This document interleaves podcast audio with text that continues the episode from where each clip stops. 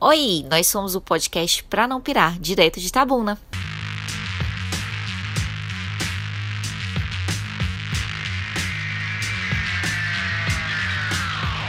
Oi, aqui quem fala é Michele. Hoje nós vamos fazer um programa diferente, um pouquinho diferente. Como tá todo mundo de férias, nós também estamos de férias, nós vamos fazer um programa de férias. E hoje Brisa não vai participar. Como Brisa não vai participar, teremos a participação maravilhosa, valiosíssima da nossa produtora, Jennifer, que no último programa, ou foi no penúltimo?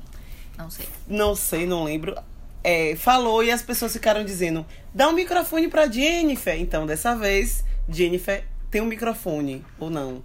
Mas ela falará. Atendendo a pedidos. Atendendo né? a pedidos. Então... Jennifer, se apresente. Oi, gente. Hoje vocês vão ouvir minha voz mais, mais forte, mais alta. Isso aí. É, queria fazer uma breve correção aqui de, sobre o que Michelle disse. uh, na verdade, eu não estou de férias. Todo mundo está de férias, menos eu. Porque, ao contrário do que vocês pensam, eu não tenho férias. Eu não sou dona da minha vida. você é dona de uma empresa. Ser é, dona de uma empresa. É, é isso, é né? então. Eu também não tô de férias, não, e pelo contrário. É o famoso. Pra mim, o ano já começou, não vou esperar Muito o carnaval chegar. Muito bem. Força Guerreiras. E eu só vou esperar o carnaval chegar pra ser vadia. Força Guerreiras. Bora. Novamente. Então, o que foi que aconteceu? É, Brizoca tá viajando e por conta disso ela não vai poder estar tá aqui com a gente, mas ela mandou um recadinho para vocês, depois a gente mostra. E o que eu queria dizer é que a gente fez um post, fez alguns posts no nosso Instagram pedindo para vocês contarem pra gente algumas histórias. É, sobre férias inesquecíveis. Podia ser engraçado, podia ser triste, podia ser muito doida.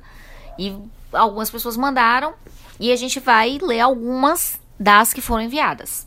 A gente vai começar. Pode falar o nome de meu? Pode falar o nome de meu.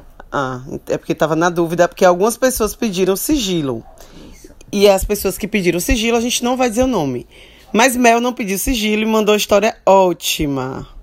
Então, vamos ler. É, meus pais se separaram logo após eu, eu completar dois anos. Durante um mês por ano, desde que eu tive a idade para tomar banho sozinha, passava férias escolares na casa do meu pai, em Teixeira de Freitas. Mas a menina de apartamento leite com pera para que eu, que eu fui, essa era a oportunidade de me reunir com os primos, correr livre pelas pracinhas, aprender o código infantil das ruas e viver aquela infância que só me era acessível pelos filmes americanos da sessão da tarde. E a liberdade era muita.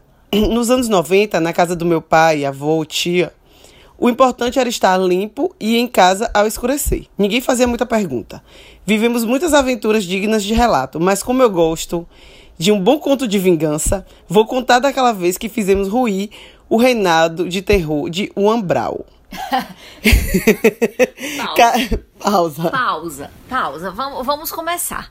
Vamos começar o que, que podemos esperar sobre uma história de férias infantil?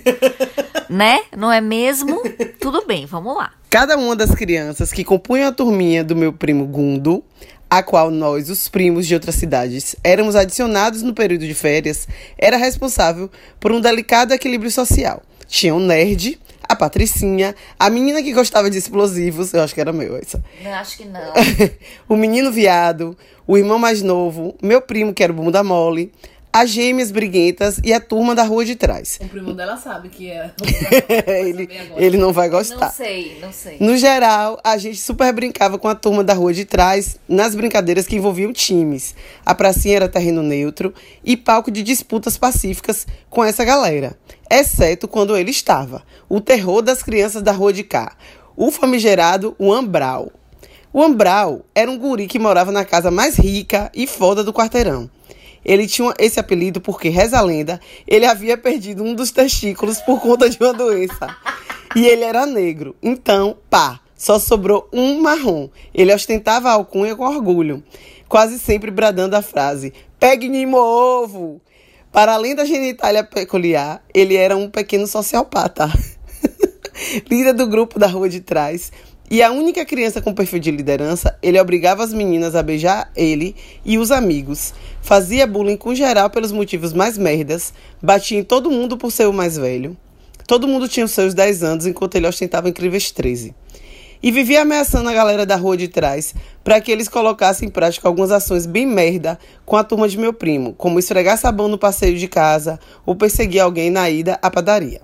Um dia, em uma das brincadeiras da pracinha, minha prima, uma jega de pessoa, nenhuma delicadeza e, como eu, membro sazonal da turma de meu primo, derrotou então a então namorada de Brau em uma época batalha de gata parida. Eu, eu, eu não sei o que é gata parida. Eu ia perguntar isso agora. O que é gata parida? Mas... Mel, diga o que é gata parida pra gente. Mas eu queria também eh, fazer só um adendo. Você, ouvinte, que tá aí na solidão, nesse momento, o Ambral tinha 13 anos e ele tinha uma namorada. Tá. e a gente tá aqui, né? Vamos lá. Minhas amigas, a Terceira Guerra Mundial foi declarada naquele banco de praça. No dia seguinte, passamos o dia fugindo das pedradas que a turma da rua de trás insistia em jogar na gente. Não pudemos brincar em lugar nenhum.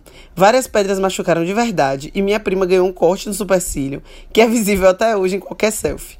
Para completar, as pedradas não passaram despercebidas e todas as crianças ficaram de castigo, porque adulto nunca quer saber quem começou. O que importa é mostrar para o dono da mercearia da esquina que seu filho não vai crescer para ser um marginal agitador. Mas a gente decidiu que não ia ficar barato. E como vingança é um prato que se come frio, e eu não sou pessoa que preste, sugeri que a gente fingisse que estava tudo bem, que havíamos esquecido, enquanto preparávamos um, um plano maligno. Que tal devolver a obrar o ovo que ele perdeu, eu disse. Enterramos quatro dúzias de ovos na praça e deixamos gorar por uma né? semana. O tempo, o tempo do castigo. O peixe eles passaram uma semana de eu castigo. Eu quero saber como foi a compra das quatro dúzias de ovos. Perceba. A criança tem arte. Eu já comprei muito ovo para arrumar na cabeça dos outros, sem ninguém perceber. Roubava em casa. Percebam que, que foco aqui não era só a nojeira, a gente buscava humilhação. Depois de uma semana, desenterramos os ovos, fizemos um furinho em cada um, colocamos uma minhoca recém-desenterrada em cada ovo. Meu Deus, estava fedendo demais. E esperando, esperamos um umbral em um arbusto na frente do colégio dele, que era na praça também. Porta do colégio cheio, tá cheio. Um umbral sobe na bike e é alvejado por uma chuva de ovos podres recheados de minhoca. Ele caiu nos primeiros e nós avançamos. Bacia na mão, as pessoas se afastando e ele sem conseguir fugir porque escorregava. Deixamos um pequeno cartaz que dizia 49 braus em cima dele que nesse ponto estava deitado, tirando a roupa e vomitando. O resto das férias foi só tranquilidade. Ficamos amigos da galera da rua de trás pelos anos que se seguiram e o Ambral passou parou de tocar o terror. Ele até tentou, mas ninguém queria mais se meter com a turma do meu primo. Ele acabou se afastando, começou a namorar e realmente ficou grande demais pra galera. Eu adquiri uma fobia de minhoca que valeu muito a pena, porque eu adoro lembrar dessa história e os outros anos foram bem mais legais do que esse. Ah, adorei a história de Mel. Criança, né, gente? Criança tem arte.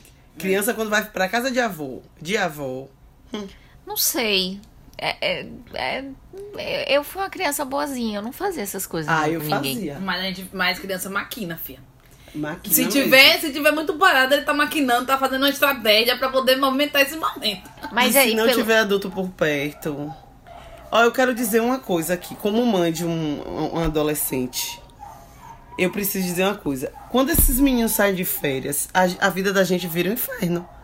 Por isso que, a, que a, o povo da, da, da, família de Mel não queria nem saber pra onde eles iam, nem nada. Porque na época, naquela época nem dava pra ter medo. Hoje em dia não dá pra soltar os meninos na rua e dizer, ah, e vai aí pra rua. doidando a pessoa dentro de casa. Porque, a... gente, a felicidade era as crianças andarem na rua. Pois é, e agora? Eu sinto, eu, olha, eu tenho dó das crianças hoje em dia, porque as crianças não podem ter a infância que a gente Os teve. meninos ficam presos dentro de casa. Presos dentro de casa, coitados. É, é, minha infância, a maior parte dela foi em Salvador. Então eu tive uma infância chata. Quando eu ia pra Itapetinga, aí sim, eu brincava muito e tal, mas também não me lembro de brincar na rua, não. Eu brincava na casa do, do, dos primos e tal, mas assim, na rua mesmo, não.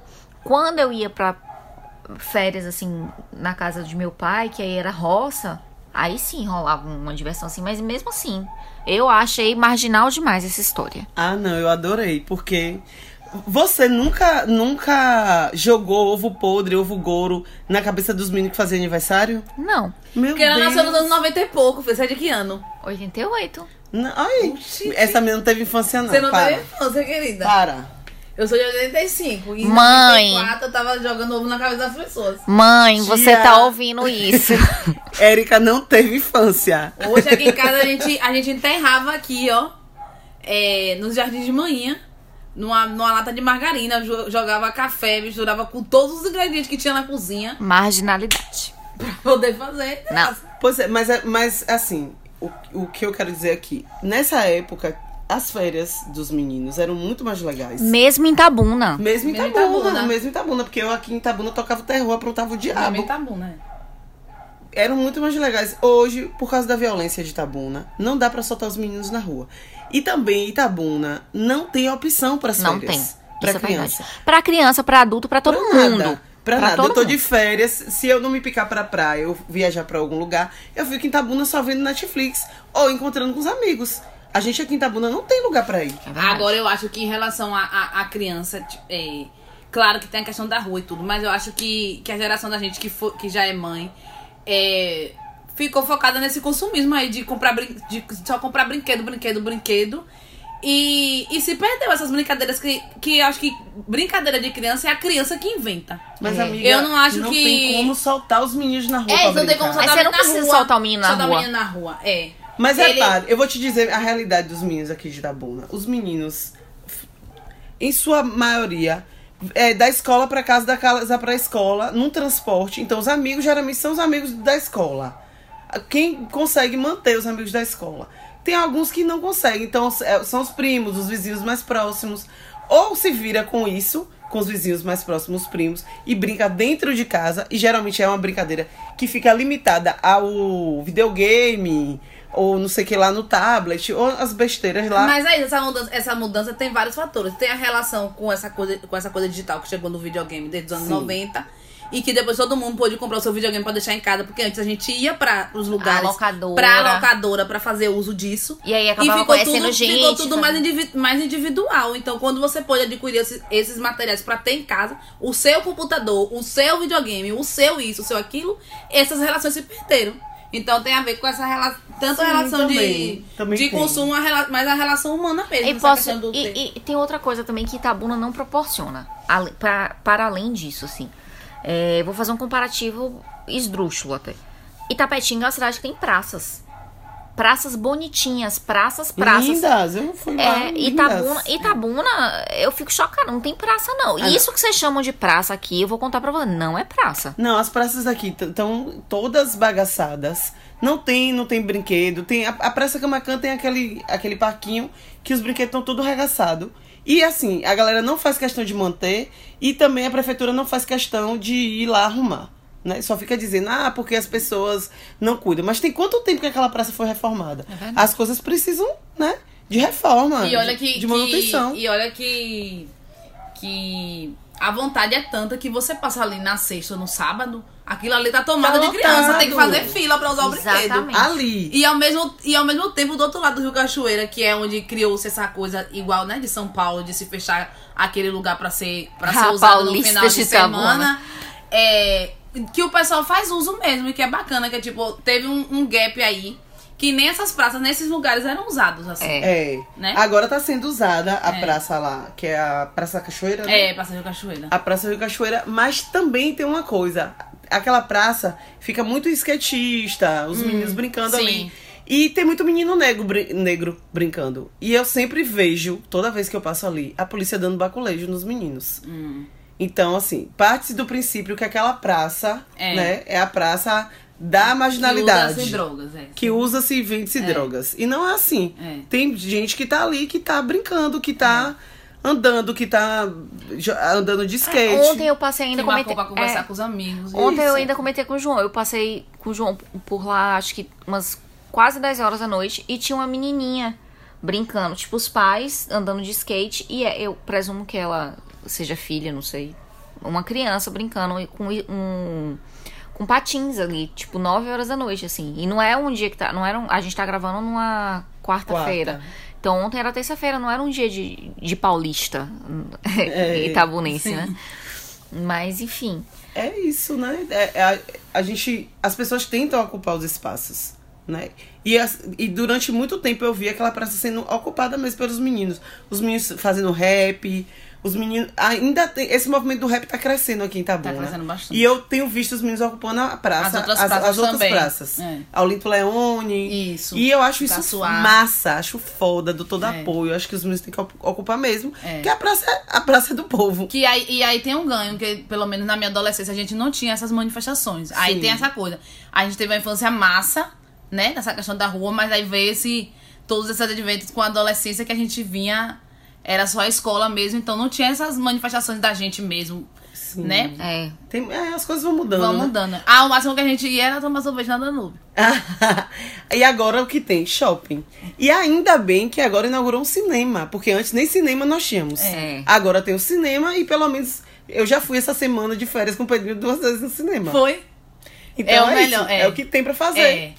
Porque antes aquele shopping tinha o quê? Comer e gastar dinheiro. É o filho. melhor não, pedido. Não, posso. Né? Não dá. Então, vamos lá pro segundo? Vamos, para a Vamos. próxima história. Pra próxima história. Ah, Deixa essa por último, lê, Essa que- por lê último. a, a- a misteriosa. Recebemos uma Ah, que recebemos solicitou uma- isso. anonimato. Recebemos uma que solicitou anonimato.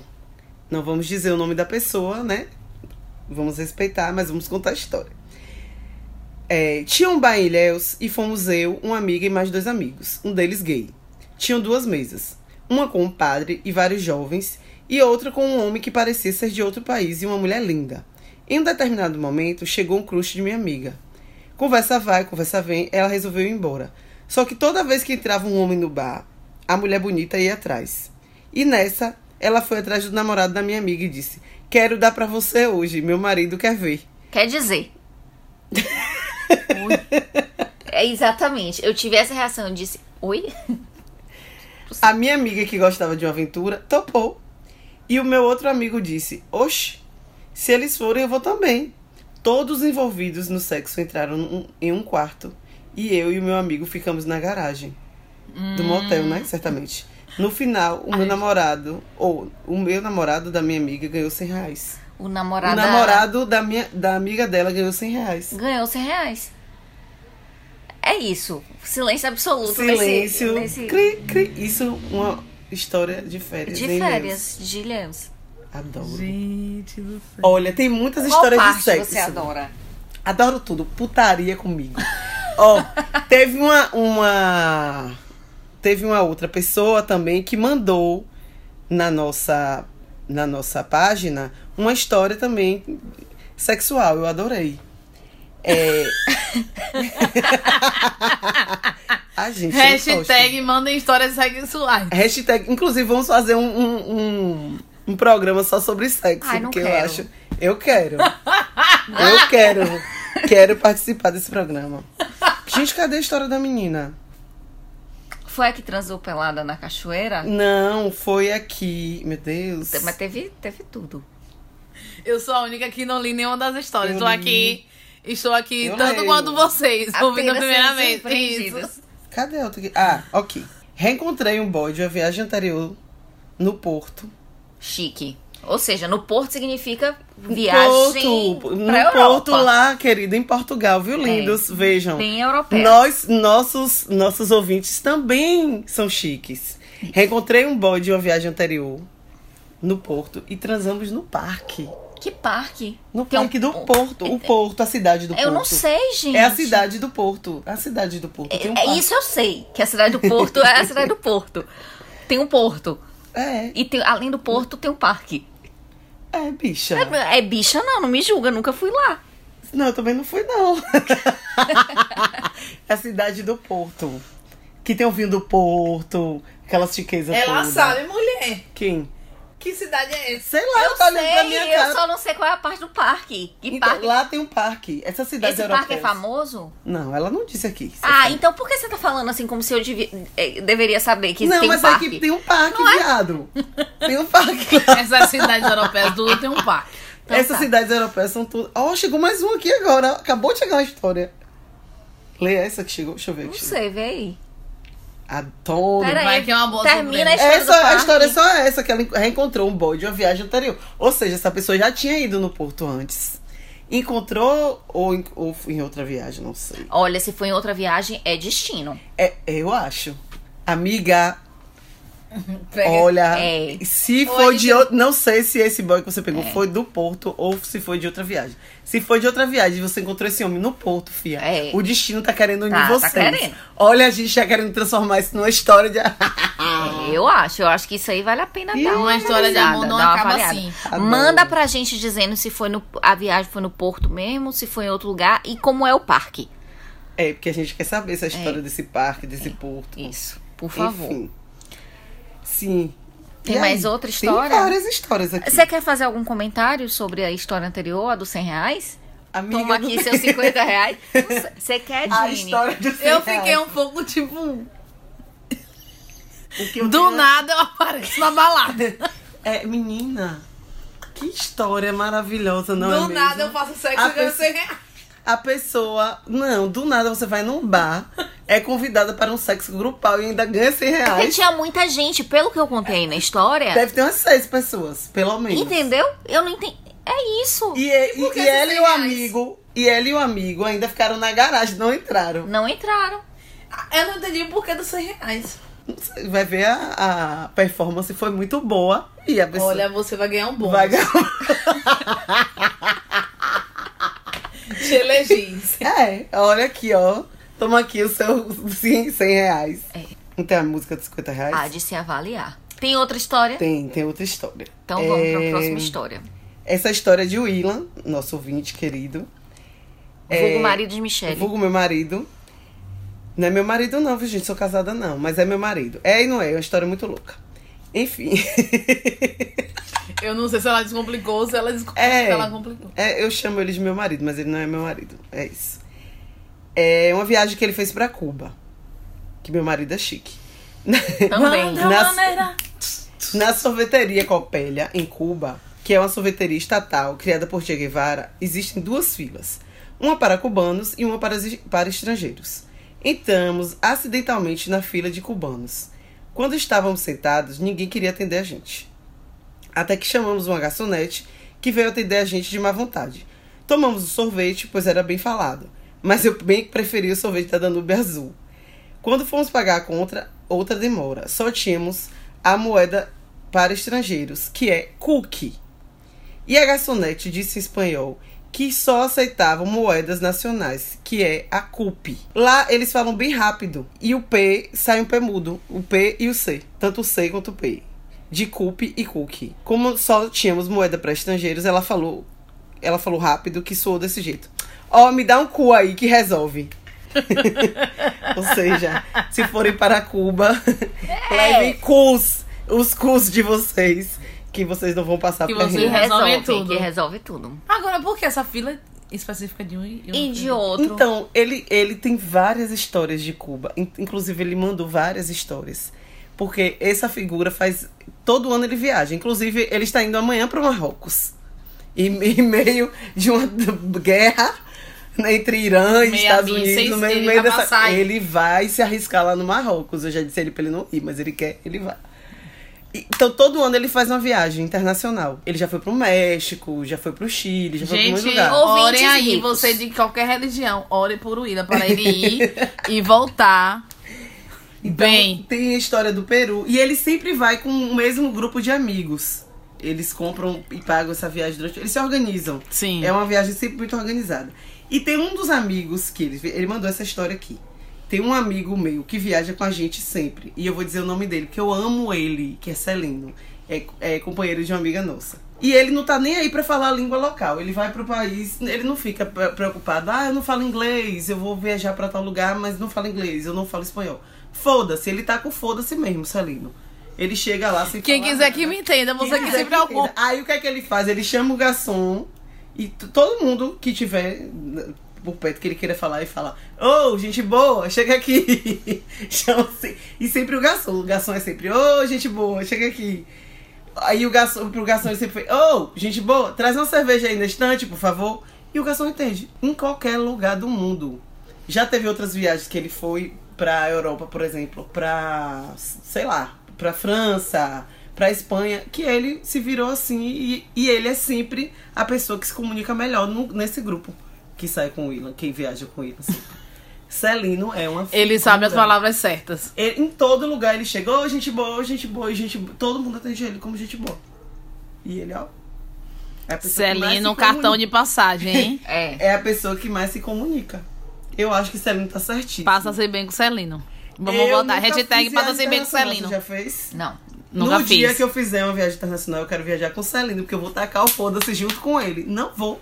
Quem quiser. Vem cá, esses filhos da puta, quando vem pra cá, a gente tem que ficar tentando entender o que eles falam, porque que- Eles têm que entender. Tentando que entender, não, né, amor? A gente, principalmente a galera que trabalha com turismo, tem que saber, tem que saber falar inglês. o que eles saber. falam. E tem que saber falar inglês. Não é aquele inglês super, é o inglês do, do, do inglês de não sei aonde, o Não inglês é o do inglês do sei body aonde. language. É o inglês do não sei aonde. Cada um tem um inglês diferente, você tem que saber. Pois é. E, pois eu vou tacar o foda-se e vou falar português. E quem quiser que me entenda.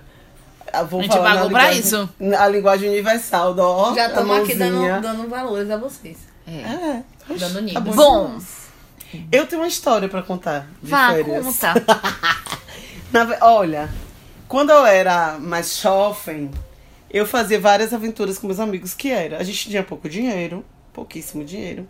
Então, quando a gente queria viajar, passar Réveillon, Carnaval, ou passar parte das férias em algum lugar de praia, a gente alugava uma casa com meio mundo de gente. Sempre tinha um que se responsabilizava pelo aluguel da casa, em ir lá conhecer a casa, e alugar a casa e, e ratear o valor pelas outras pessoas.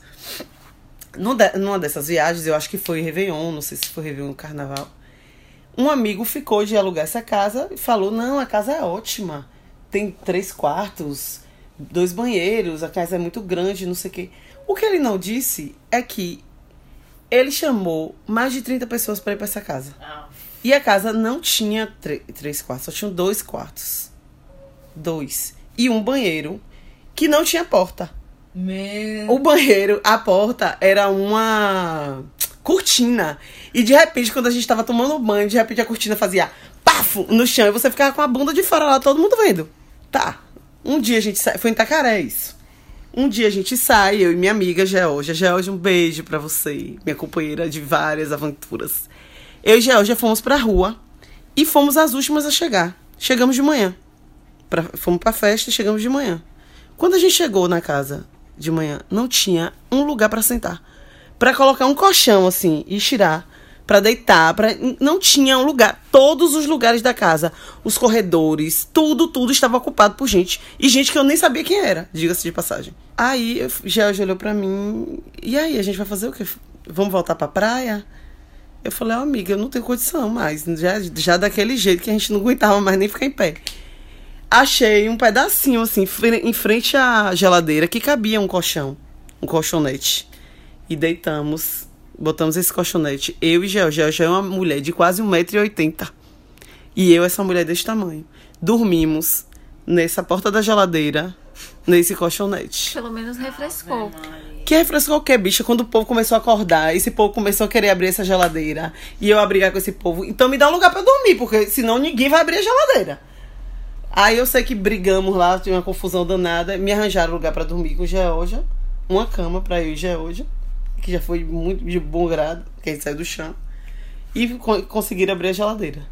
Mas essa casa rolou várias tretas, várias tretas. Mas assim, não, uma casa não tem um lugar pra pessoa dormir, gente. É demais.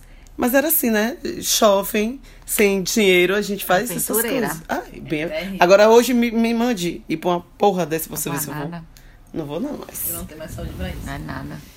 Olha, as minhas férias inesquecíveis foram as minhas primeiras férias de trabalho.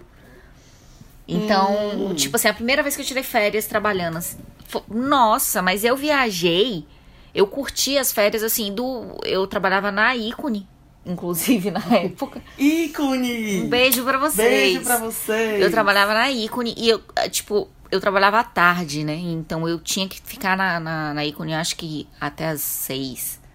Nossa, seis e meia eu já tava dentro de um ônibus, partindo, quebrando no mundo. E aí eu viajei muito. É, conheci vários lugares.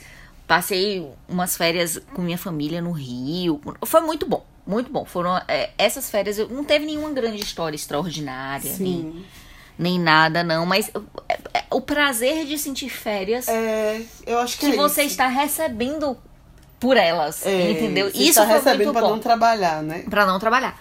E isso é muito bom. É, foram férias muito boas, muito É, boas recebendo pra não trabalhar, não, né? Isso é, É, um direito. Vamos, isso. vamos lembrar aqui. É. Antes que tirem da Que gente. você volta sem receber. É. Esse, dinhe- esse foi um direito adquirido a muito recebe. custo por nós trabalhadores. Lá em 1930, eu acho. Isso. Mas foi isso. É, Essas foram, foram férias muito legais, assim. Fora isso, férias na infância eram sempre muito boas. As minhas. De infa- a, a gente, em Tapetinho, a gente sempre vinha, a família vinha veranear pelo menos um tempo aqui em Ilhéus. Então era sempre muito divertido também. E é isso. Eu, eu- eu tive outras férias inesquecíveis e outras coisas, assim, outras aventuras de férias. Por exemplo, eu houve umas férias em que eu aprendi que era possível beber cerveja de canudo. ah, bicho. É. E nessa série você ficou muito bêbada, hein? Fiquei. Mas é isso, não vou entrar em maiores detalhes nessas férias específicas, mas foram, férias ótimas. Não, eu também já É. passei algumas férias legais, assim. Pena que ninguém é, enviou. é, parece que ninguém da região enviou uma férias, porque não tem uma história da, da Tulha. É verdade. não tem uma história da ponte é, Ilhéus Pontal. É verdade. Não tem uma história para Itacaré. Eu Gente, olha, Itacaré. eu acho que vocês esconderam as histórias aí. Vamos combinar. É. Porque a história da Tulha tem, minha gente. Ah, eu já fui. Eu, Eu também já história fui pra Tulha. Eu, eu já fui na Tulha. Mamuã, Mamuã. Eu já fui. Serra Grande, já passei Serra em Serra é. Grande. Já, Porque Marisol é metade clássico. de todo mundo do- fica naqueles condomínios ali. É, É mesmo. é verdade. Agora, Marisol já fui. né, Nessas de veraneio, Marisol, Joia do Atlântico, Cepos, Águas de Olivença. Ah, é. Agora já vi tudo ser isso já rolou, assim. E Tulha, Tulha eu fui, eu Não, tava. Gente, vamos combinar. Verão, verão. Combina com a Tulha. É, verão, o, Ita, o verão itabunense é Tulha, meu Brasil. É. Para! Claro que os nossos ouvintes chiquérrimos que mandaram história do Porto, outro de Cuba, outro sei de onde. Mas a galera mesmo vai é pra Tulha. É porque chora as praias dos milionários. Porque chora as cabanas narigas. É isso que eu quero saber. A Tulha que é o babá. Minha filha, tu já foi naquela Tulha época de carnaval? Eu não, Michele. Minha filha, babado. É onde você sabe qual vai ser a música realmente que vai bombar. Você tem que estar no Réveillon da Tulha Não é pra saber qual é a música que vai bombar no verão, amor. Porque se você não. Isso é tendência. Você já descobre as tendências do verão. É na ponta da Tulha. É verdade. É Ah, não, as praias do norte. Velho, eu peguei um buzu esses dias. Eu tenho, eu tenho fotos pra provar. Quiser, eu, eu coloco lá na página. Vamos colocar na página. Essa foto. Velho, eu peguei um buzu pra, pra ir pra um condomínio aí da Praia do Norte, pro Japará. E aí, minha filha, fui pegar na rodoviária esse bendito desse buzu porque eu queria ir sentada. Chegou no meio, chegou ali na saída pra, pra Ilhéus, o buzu quebra. Aí eu já fiquei embucetada, né? Falei, porra, e agora? Eu chamei logo o cobrador, falei, vem cá, quem vai sentado, vai sentar? Não vai, e eu vou processar a rota, faço aquela baixaria toda. E a galera começa a tirar as coisas que tinha dentro do bagageiro de um ônibus pra colocar no outro. Minha amiga tinha um fogão de seis bocas. Eu tenho. Mentira! Mentira, eu tenho uma foto aqui. Eu tenho uma foto, eu tirei a foto, viado. Tinha um fogão de seis bocas, cadeira, essas cadeiras de plástico, ventilador, colchonete, a A desgraça. mudança toda. A desgraça toda dentro dessa. Uma casa, tinha uma casa dentro do bagageiro. Michele, viado. pelo menos era um ônibus. Deixa eu te contar uma coisa. Minha avó, quando vai passar férias em Olivença, ela leva isso tudo no Uno. Fia, mas repare, mas é um carro dela, ela vai parando, não É. sei o quê. Mas pense aí, um coletivo. E aí, quando o buzu chegou, né? Lá vai essa galera botando tudo de Esse volta nesse motorista se fingiu de cego, amor. Véi, viado. E eu fui pro fundo, fui sentar lá no fundo. Entrei doido, já brigando lá com todo mundo pra poder sentar logo no fundo. E sentei lá no fundo. E a desgraça do condomínio que eu ia ficar era o primeiro. Velho, você não tem noção de como esse ônibus estava cheio. Se pra entrar foi difícil, imagine pra, pra sair. sair. Não, foi- ó, eu saí louca, empurrando todo mundo. Ó, licença! Desculpa aí! Aquele pô, ônibus pô. desse tamanho, aquela E- passagem. Pronto, eu com essa bunda desse tamanho pra sair, foi o maior sacrifício, velho. Ó, enfim. É isso. Férias é na Tulha. Na, Agora, na tirando, tirando a, a, a- o deboche todo, a Praia do Norte é a praia mais bonita de Ilhéus. É Ah, verdade. eu também acho. Eu também acho. É a areia mais linda, É. é a coisa mais brilhosa, é o mar mais bonito. Ah, é lindo. Eu gosto muito de Olivença, porque é, é, criou um carinho mesmo, né? Por conta da casa de minha avó lá, enfim, a- aquela praia do Bequetor. Mas sim, a paz que você tem na Praia do Norte, você não tem em outro lugar em Deus. É, é verdade. Não é tem. demais. é Não tem. demais. E eu recomendo muito. Eu tenho umas histórias assim, Ah, até de outras amiga. pessoas. Não. É, Conta tudo. numa época que, que Itacaré começou a bombar mesmo, a bombar, né? Dos chiques e, e famosos. É, umas amigas minhas, a gente na época da adolescência, né, todo mundo, né? Aquele assanho todo. E aí as meninas aqui se reuniam pra ir. Eu e minha irmã era meio assim, ai que cansaço, ai que coisa. Tipo assim, não vou pra isso não. Que preguiça. Ai, que preguiça. Ai, que preguiça de sair daqui, porque a, a família de minha mãe é de Ilhéus, então a gente sempre fica em Ilhéus, então a gente ficava assim, ai, que preguiça de sair daqui desse, desse aconchego do lar, né? Aconchego vírgula, né? Que era uma casa bem doida. É, e aí as amigas inventaram de ir pra Itacaré. Tipo assim, estavam em Ilhéus, estavam em Marisol. Falava assim, não, vamos passar o Réveillon em Itacaré, né? Aí todo mundo vai tem porque Itacaré povo tá né, bombando. e tererê, tererê, e os contatinhos, né? Os boys vão estar em Itacaré, vamos pra Itacaré. E aí as meninas, não faz isso, dia de noite tá em Itacaré, e tererê, que você nunca foi. lá, lá. Meus queridos, quando elas chegaram, tipo assim, na estrada em Itacaré para o Réveillon, não podia entrar mais carro nenhum em Itacaré. Itacaré estava tão lotada dessa época. que não podia entrar carro, não podia entrar mais ninguém, não se Eu estava cabia. Rolou- não se cabia rolou ninguém em isso. Itacaré. Essas meninas voltaram do meio da estrada. Porque não aceitava mais ninguém. Tipo assim, não sei se existia um portão, mas elas falavam que tinha, tipo assim, como se fosse uma grade e eles inventaram alguma coisa que ninguém passava. barreira, ninguém entrava. Exatamente, ninguém podia passava. Ou seja, elas passaram o Réveillon. Eu tava esse- nesse Réveillon em Itacaré. Foi foda. Faltou, faltou cerveja, viado. Acabou a cerveja a cidade é, inteira. todo mundo, eu não sei o que foi que aconteceu nessa mídia, que tava todo mundo em Itacaré. Sabe o que era? Era a época que tinha aquelas festas do Trivela. Eram festas grandes, entendeu? Festa muito grande. E, e não tão e cara não tão quanto... caras como, como essas festas são hoje, né? Sim, essas festas sim. são muito caras. Batuba, eu acho festas muito caras. Sim, sim. E aí essas meninas voltaram do meio da estrada e passaram o Réveillon no meio da estrada. Chegaram no Marisol, né? Sei lá, lá pra metade da madrugada rolando, né? Ai, gente. E não conseguiram entrar em Itacaré. Tadinha. E tem outra história de Itacaré que foi uma amiga minha que também tava, trabalhando, assim como Érica, feliz e contente, que estava trabalhando, tinha umas férias, ia passar o Réveillon em Itacaré. Minha amiga, que inclusive deve estar me ouvindo, mas eu não vou dizer o nome dela. Ela vai me xingar de eu estar lembrando essa história fatídica. Mas o que foi que houve? Ela foi, ela fez, amiga, vamos passar o Réveillon em Itacaré, me animei também pra ir. E ela ficou de, de acampar em Itacaré. Tinha tem esses campos, né, lá em Itacaré, e ela organizou tudo, ela é super organizada. Super do tipo, isso é aquilo, fazendo check-in, tudo direitinho. É, chegando lá e tal. Aí eu falei, só ia depois, porque eu tava trabalhando com meu pai nessa época. Eu falei, não, eu só vou no sábado, só vou daí no sábado, depois do horário. Isso acho que era dia 30 ainda. Aí, daqui a pouco, quando ela foi alguns dias antes, acho que ela foi dia 28, 27, algum, um- bons dias antes. E aí me, me ligava, ah, amiga, aqui tá massa, não sei o que, tá legal e tá, tá, tá, tá, toda animada. Quando foi um dia, nesse sábado, ela me ligou dizendo que tinha ido pra praia e voltou. Tinham roubado todas as coisas dela. Meu Deus. Ai, tadinha. Ô, Ela Disney, estava de rir, não. desesperada. Ela está... Hoje eu dou risada, mas no, no dia foi, É, foi trash. foda. Imagine a pessoa com roupa de, de praia. Que tinham roubado as coisas dela. O dinheiro que tinha ficado na barraca. Porra. Ela não tinha nem como voltar. Ela tava tão estressada, tão infeliz, chorando, tere, tere. E depois de uma coisa, ela descobriu até que era uma pessoa conhecida, inclusive, que tinha feito Que tudo. merda. Então, assim, não foi nem ninguém de bom. Ai, gente. Ah, e aí, como é que conseguiu voltar? Aí ela me ligou e tava falando assim, amiga, e agora como é que faz? Eu saí de. é, depois que fechei a loja lá de meu pai, fui até Itacaré pra buscar ela, porque só tinha eu.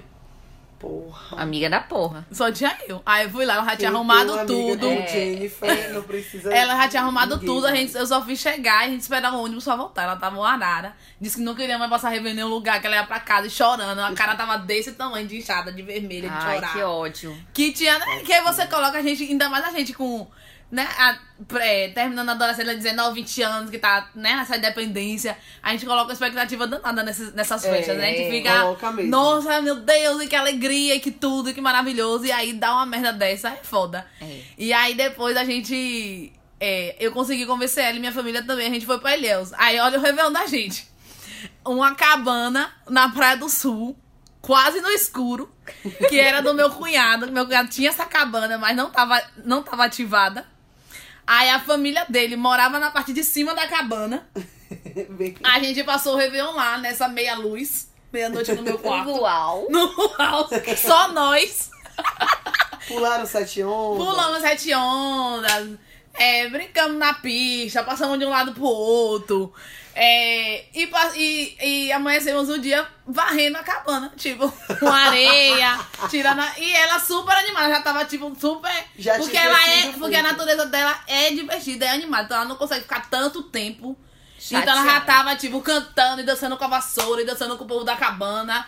e a gente já vendo o povo já apontando na Praia do Sul, já cedo, 8 horas da manhã. Já pra poder se divertir na praia. A gente lá desde ontem de noite. Conseguiu se divertir. Conseguimos nos divertir. É isso, velho. Às vezes a gente consegue se divertir na simplicidade. É. Porque é isso que você falou. Quando, quando eu tinha 20 anos, 20 e poucos anos, era muita expectativa. Minha mãe tava falando, lembrando disso outro dia, que eu já fiz minha mãe ir na, na rua comprar roupa branca pra passar o Réveillon no dia 31. Tem que ter. E que a roupa branca a sola branca e fazer aquela confusão toda. E eu chegar no lugar, começar a comer água pesadíssima e virar a porra do Réveillon com a roupa que eu tava. Com a roupa que Olha que eu viajei. viagem. Que nem vestir a roupa branca, nem vestir nada. Entendeu? Porque a gente cria essa expectativa do nada, mas a gente começa a se divertir e nem tá aí. Às vezes é bom, às vezes não é. Qualquer férias, na verdade, eu acho que, que é assim. Hoje em dia, eu, eu tive um, um pequeno período de férias que, além de fazer uma mudança, tudo que eu fiz foi dormir e eu tava achando tão bom. Tipo, tempo pra ler, tempo pra assistir os filmes da Netflix, que eu tava sem tempo. Tempo, Hum, isso. sabe? Tipo, tempo. Tempo do nada, né? Tempo De- do nada, tempo de fazer, olha, isso aqui eu vou fazer agora com calma, com tranquilidade, porque eu quero, ou então eu não vou fazer nada porque eu quero também. Ah, eu também. Entendeu? Eu tenho aproveitado muito pra dormir. Porque eu durmo muito pouco. Hum. Eu não tenho muito tempo pra dormir, assim. E eu tenho dormido bastante nas minhas férias. E aproveitado pra ficar com meu filho, ler as coisas que eu, né, separo lá, aquela ruma de livro pra ler. Tô lendo devagarzinho. É isso, vendo Netflix, vou pra praia também, vejo os amigos. Porque não- é assim, é legal viajar, é muito bom viajar de, de férias, tipo. Mas nem sempre a gente tem grana. E quando a gente não tem grana, ou então tá guardando essa grana pra uma outra coisa, É, pronto. dá pra você se divertir É, também. De outras formas. É, é tentar planejar ou não planejar nada. Ou não ter planos, né, Não ter Keca? planos, exatamente. A meta é não ter A metas. meta desse ano é não ter É não planos. ter metas. É não ter metas, É. como diz Keka. E aí a gente vai se divertindo, vai fazendo. Levo pra vida. E aí, se você tá de férias ainda e não tem porra nenhuma para fazer, o que eu sugiro nesse levo pra vida, agora, Sim, leve né? pra Vou, vou, vida. vou dar esse levo pra vida aqui pra vocês. Vai montar quebra-cabeça. Passa o tempo. É sério! É, a minha avó e minha mãe estão na praia e a televisão não tava funcionando, montaram quebra-cabeça. Então, Ah, tem uma amiga que monta quebra-cabeça enorme. também, eu- eu super Eu adorava montar quebra-cabeça. Eu. Agora eu, eu vejo aí na loja, mas não tem nenhum que me interessa. Tem uns de obra de arte, amiga. Tem uns muito legais mesmo. Eu que tenho você uns monta e depois de fica presente. quadro, tipo... Um quadro de Van Gogh. Ah, eu não faço essas coisas também. Ah, não. eu farei. É, tem mil, mil e Não, eu peças. monto os de militar. Eu coleciono. Pra quem não sabe, uma curiosidade sobre mim. Eu coleciono quebra-cabeça. Ah, mentira, nem É. eu sabia. Ah, a gente não sabia. Pois é, eu coleciono quebra-cabeças. E aí eu monto e a diversão é montar. Pá, montei, tirei uma foto, desmontei. Tá ótimo. Inclusive, dia 25 de janeiro é meu aniversário. Se você é ouvinte, meu fã, que agora eu sou figura pública, pode me dar de presente quebra-cabeças. É isso. Beijos. Levo pra vida. Pra eu... vida. Ai, gente, eu nunca. Eu sou péssima de conselho. Então, fa- fala qualquer coisa aí. Ai, não. Vamos aproveitar as férias de vocês. Beijar na boca. fazer um, um surubão Cem dele reais. e ganhar 100 reais. Né? Vão transar no parque com o boy que vocês encontraram. Ou vão dar o cu lá pra, na, na, na, na- Na Colômbia. na- não, em É, Cuba, Cuba. pra tomar sorvete. Ou então vai pra Beira Rio, vai fazer qualquer coisa, vai se divertir. Aproveita. É, levo pra vida é isso, eu acho. É, é ter- é a gente saber que tem que ter tempo pra nada também. Isso. Porque todo mundo tá querendo sempre tá produzindo alguma coisa, todo mundo tá nessa sangria desatada, até quando está de férias. Ah, porque tem que tá, é, tá de férias, tem que estar fazendo algum curso, tem que estar fazendo isso, tem que estar fazendo aquilo, tem que estar, tem que estar, tem que estar. Então, assim, não se culpem por estar de férias para os seus pés. Coloquem os pés pra cima, de fato. E de direito, porque todo mundo merece ficar sem fazer nada, né? E outra coisa que é, na verdade, é um puxão de orelha. Lembre quando vocês estão de férias, tem pessoas que estão trabalhando para que vocês estejam de férias. Então, assim, é, cuidado no tratamento com as pessoas que estão nos bares e nas cabanas. É um pouquinho de empatia, um pouquinho de paciência. Porque é foda também quando. Claro que todo mundo, cada um tem seu tipo de trabalho, etc, etc. Mas é foda, tá todo mundo ali de férias em janeiro, no verão, na alegria, no sol, na praia. E tem uma galerona que tá trabalhando pra fazer isso funcionar. Então, é, tenham paciência, tenham calma. Jenny Fada Sensata. Vocês viram agora por que, que a gente deu um microfone pra ela? Jane é maravilhosa, gente. É isso. E esse microfone vai ficar permanente, tá, Vai. queridos? Vai mesmo. É só ela querer. O negócio é que ela não quer. O negócio é que ela foge da gente. E aí a gente quer também que vocês depois comentem lá no Insta sobre esse podcast. E as pessoas que ainda estão de férias na Tulha, que estão com Wi-Fi, que eu tô ligada, que a Tulha, a mamãe, etc. Tem Wi-Fi, vocês estão ligadas no podcast. Mandem suas histórias 2020 para nós. Para nós, por favor. A gente É, quer saber. porque a gente pode ler no próximo programa. A gente quer saber dessas As patifarias, outras, as outras histórias também. Porque assim, a gente tá de férias, vai ter outro programa de férias e a gente, não necessariamente sobre esse tema, mas a gente pode falar assim. Isso. Inclusive, férias. mandem temas para o próximo episódio. A vida não é só pagar boleto, né? A vida não é só pagar boletos, bebê. É, eu tô vendo um monte de coisa na Netflix. E tô vendo um monte de coisa. Tô vendo um monte de coisa. Aí eu quero indicar é, de série o Método Kominsky. Você que é uma indicou. Eu te indiquei, né? Foi um amigo meu que indicou. Muito bacana, muito divertida.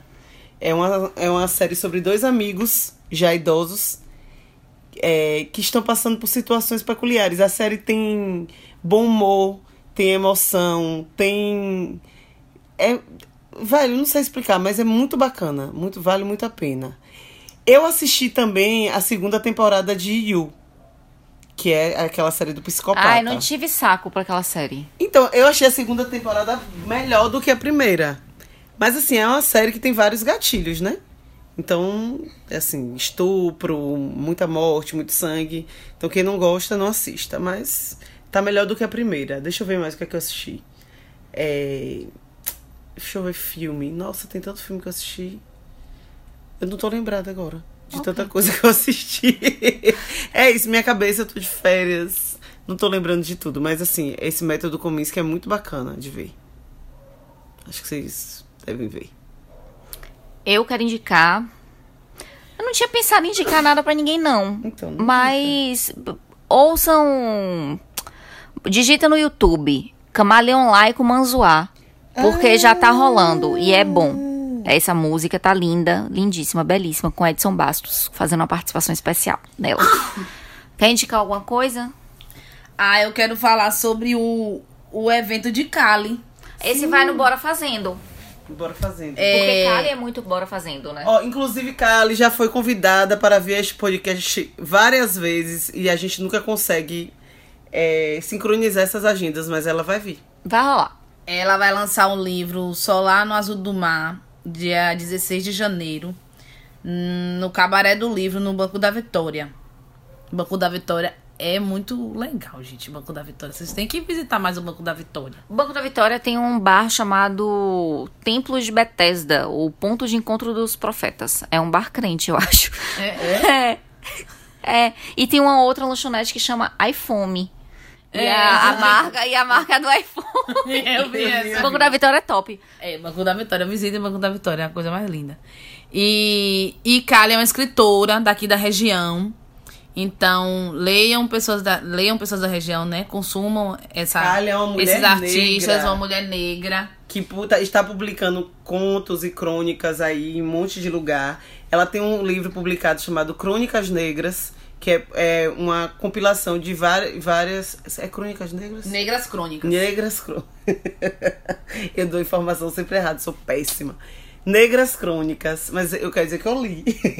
Isso é o que importa. Sigam ela lá, é arroba conta preta conta. Isso, E maravilhoso. os livros dela ainda tem uma, uma coisa especial, porque ela faz artesanalmente. Então, é, é capa, é impressão, é tudo tudo ela que, que faz. Então, é feito pelas mãos mesmo, de cabo a rabo, como a gente diz. É isso. Então, Então é isso. Brizoca não está aqui. A gente não sabe quanto Brisa volta de férias, mas ela volta. Ela volta, viu, gente? Ela Não volta. Ela está charlando, eu vou contar, em Morro de São Paulo. Rica, rica, poderosa. Dourando aquela pele. Maravilhosa. Ma- mais dourada. Deixando mais aqueles dourada. olhos mais verdes. Isso aí. E vamos deixar uma muito. foto dela com Zaya pra vocês verem como ela está Como linda. ela está linda. Isso aí. Está linda e radiante, maravilhosa. Beijo, gente. Então tá. Até a Até Beijo. a próxima. Até a próxima. Beijão. Valeus.